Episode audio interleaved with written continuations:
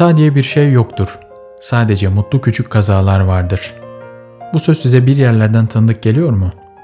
Belki şurada küçük mutlu bir ağaç vardır. Ne dersiniz?''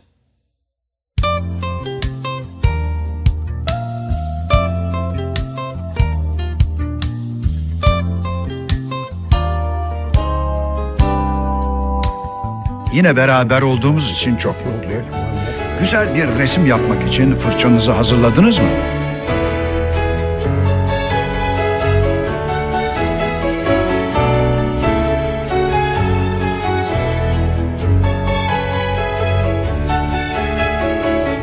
Belki suyumuz burada. Biraz titan beyazı alıyoruz. Kolayca çalışacağımız bir dağ yapalım diyorum. Yine önemli kararlar vereceğiz. Ağacım burada fırçamın köşesiyle iki yana giderek yapıyorum. İşte bu şekilde gördüğünüz gibi.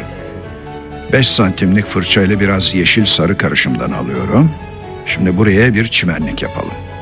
Setin yansımasını vermek için ondan da biraz tutup aşağıya çekiyoruz. Ama çok az. Hepinize mutlu resimler diliyorum.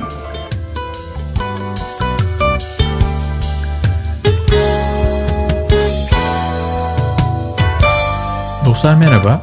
Kayıtlara geçmesi adına bugün 28 Ocak 2022 günlerden Cuma ve an itibariyle saat 00.20 e, yani günün ilk saatlerinde e, kayıt altına alıyorum bu bölümü. Ve başlıktan da anlayacağınız üzere bugün Küçük ve Mutlu Ağaçların unutulmaz ressamı Bob Ross'tan bahsetmek istiyorum sizlere. Türkiye'de 80 ve 90 doğumlu olanların çocukluk ve gençlik yıllarına damga vuran bir isim Bob Ross. Resim Sevinci ismini taşıyan programı milyonlarca kişi tarafından izlendi. Programın ilk bölümü 83 yılında PBS kanalında yayınlandı. Program tam 11 yıl sürdü. Türkiye'de ise ilk olarak 93 yılında TRT 2'de yayınlandı ki ben e, kendisiyle ilkokul yıllarımda tanıştım. 95-96 yıllarında. E, TRT 2'de pazar günleri akşam haber saatinden önce yayınlanırdı. E, ve sobalı bir evde yaşıyorduk o dönem. E, sobanın başında keyifle Bob Ross'u e, izlerdim, dinlerdim. Hem yapmış olduğu resim çok güzel olurdu hem de anlatımı çok keyifli olurdu. Böyle bir hatıramı da sizlerle paylaşmak istedim.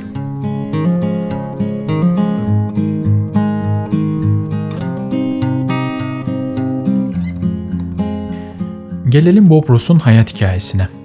Marangoz bir baba ve garson bir annenin oğlu olarak 29 Ekim 1942'de dünyaya geldi Bob Ross. Yapmış olduğu birçok röportajda anne ve babasının onunla alakalı çok ilgili olduğunu, onun üzerine çok düştüklerini ifade eder. Anne ve babası bir müddet sonra boşanır. Ancak 20 sene sonra tekrar evlenirler. Böyle bir ailede e, büyür Bob Ross. Çocukken en çok sevdiği şeyin yaralı yaban hayvanlarının tedavisiyle ilgilenmek olduğunu söyler. Bu konuda annesi ona çok destek olur ve cesaretlendirir. Bob Ross'un doğa sevgisi buradan gelir. Lise eğitimini yarıda bırakarak babasının marangoz atölyesinde çalışmaya başlar. Burada çalışırken sol işaret parmağının bir kısmını kaybeder.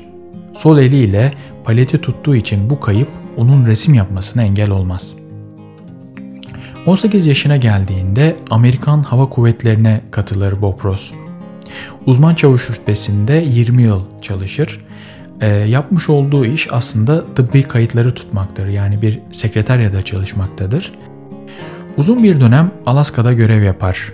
Burada doğanın güzelliğine hayran kalır ve resim sevdası burada başlar.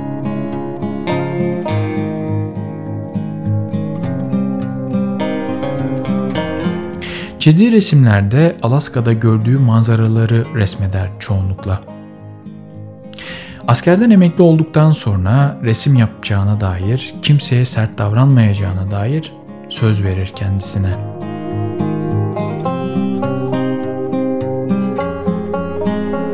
...70'lerde ressam Bill Alexander'ın geliştirdiği wet on wet painting yani yağlı boyada ıslak üstüne ıslak tekniğini çok severek kullanmaya başlar. Bu teknikte hem boyanın kendisi hem de tuval ıslak olmak zorundadır. Bu sayede resimlerini çok daha hızlı bir şekilde bitirebiliyordu Bob Ross. Ee, sürekli Bill Alexander'ın The Magic of Oil Painting programını izlemekteydi. Daha sonra onun yanında çalışmaya da başladı. Buradan öğrendikleri resim sevinci programına ilham oldu. Aslında Bill Alexander'ın bu programı ki o da bir televizyon programıydı e, bu kadar popüler olmadı. Yani Bob Ross'un programı çok daha popüler oldu. Bence bunun en önemli nedeni Bob Ross'un o mizacı, huzurlu anlatımı e, ve samimiyeti olduğunu düşünüyorum. Bu seyircide büyük e, karşılık buluyor ve e, hocasının e, taktiğini alarak hocasından daha popüler bir insan haline geliyor, dünyaca tanınıyor.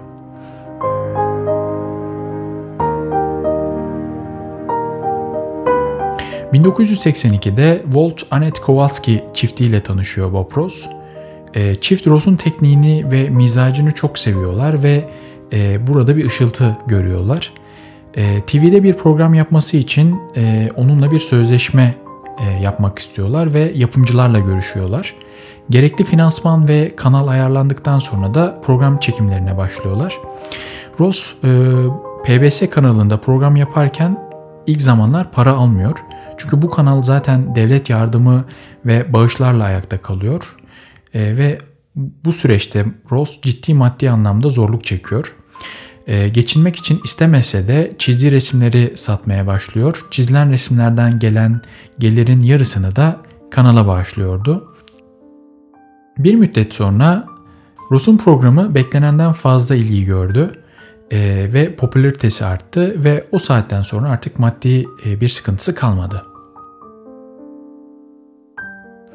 Bir yağlı boya tablo yapmak bazen haftalar, aylar sürebilir. Ancak Ross 26 dakika gibi kısa bir sürede çok güzel manzara resimleri çizmekteydi.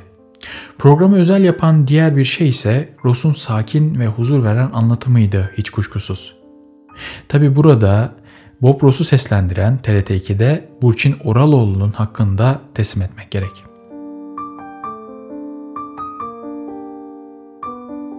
Programlarında her resmin 3 versiyonunu çiziyordu Ross. Programdan önce ısınmak için bir versiyon, program sırasında bir tane ve programdan sonra bitiş jeneriğinde göstermek için bir versiyon daha oluyordu. Saçları aslında kıvırcık değildir Ross'un. Parasız olduğu dönemde berber parası vermemek için perma yaptırdığı kıvırcık saçları bir sembol haline gelmişti. Kendisi sonradan bu saç şeklinden bıksa da bu şekilde tanındığı için ve ortağı Kowalski'lerin baskıları sonucunda saç modelini değiştiremedi. Kowalski'ler onun o ikonik halini, bonus kafa halini bir marka haline getirip işte tüm e, resim malzemeleri üzerine e, basarak bir logo olarak kullanarak satış yapıyorlardı ve Bob Ross'un o saç stilini değiştirmesi onların pazarlama stratejilerini çok olumsuz etkileyecekti. Bu yüzden e, Ross'u bu konuda e, değiştirmemesi konusunda baskı yaparak ikna ettiler. Ross çizim yaparken en çok belki şurada ağaçlar vardır, belki arkadaşlar ararlar cümlesini kullanmıştır. Resim sevincinin çoğu bölümünde Ross, en sevdiği resim parçalarından birinin fırçayı temizlemek olduğu fark edilir. Özellikle kokusuz tinerle inceltilmiş bir fırçayı tiner kutusuna çarparak kurutma yöntemine çok düşkündü. Hayatta renklere ihtiyacın var der Bob Ross. Açık mavi, koyu yeşil olarak bildiğimiz renklerin titanyum beyazı, Prusya mavisi, kadmiyum sarısı gibi havalı isimlerin olduğunu ondan öğrendik. Hayatı boyunca 30 binden fazla resim yapan Bob Ross'un program boyunca çizdiği 381 resmin sadece ikisinde insan figürü yer alır. Çizdiği 69 kulübe resminin sadece bir tanesinin bacası olduğunu görürüz. Bunların elbette bir sebebi var. Bacaların insanları temsil etmesi ve Ross'un resimlerinde herhangi bir insan figürü ve etkisini istememesiydi. Ona göre doğa insansız çok daha güzel bir yerde. 50'li yaşlarında lenfoma kanserine yakalandı. Acı dolu günler yaşadı. 40 kilolara kadar düştü. Hasta olduğunda bile program çekimlerini ihmal etmedi. Onu ayakta tutan şey hayranlarından gelen mektuplardı. Mektuplarda birçok insan onun sayesinde resim yapmaya cesaret ettiğini ve bu sayede mutlu olduklarını yazıyordu. Bu mesajlar onu uzun bir süre ayakta tuttu. Yani aslında biz onu izlediğimiz dönemlerde ki bu 95-96 yılına tekabül ediyor benim için. E, Bopros e, dünyadan ayrılmıştı, aramızdan ayrılmıştı. E, bunu çok geç öğrendim ben. Yani onun hayatta olduğunu düşünüyordum hep izlerken ve çok üzüldüğümü hatırlıyorum.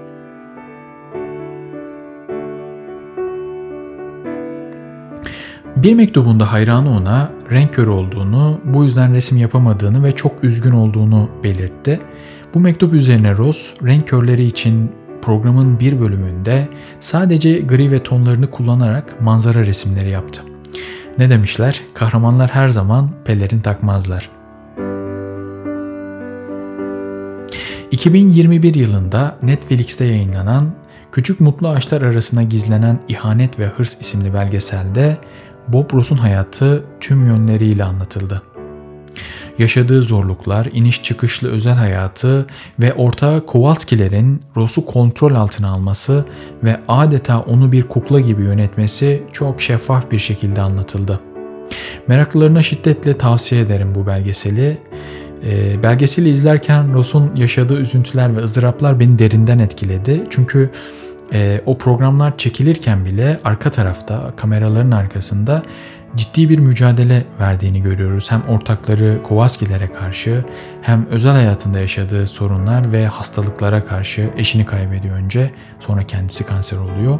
E, hiç de kolay bir hayat değil ancak her şeye rağmen e, biz onu hep e, huzurlu, e, samimi ve mutlu mizacıyla hatırlıyoruz. Çünkü kamera karşısına geçtiğinde öyle bir insana dönüşüyordu Bob Ross.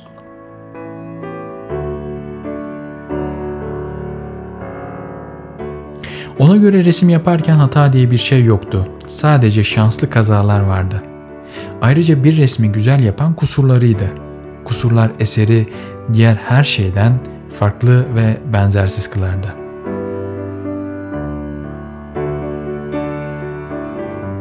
Hayata bu kadar pozitif bakan ve birçok insanın hayatını değiştiren Ross, ömrünün son dönemlerini çok acı çekerek geçirdi. 4 Temmuz 1995 yılında 52 yaşında lenfoma kanserine yenik düştü ve aramızdan ayrıldı. Ancak eserleri ve güzel mizacı bizi etkilemeye, hayatımızı değiştirmeye devam ediyor. Ruhu şad olsun.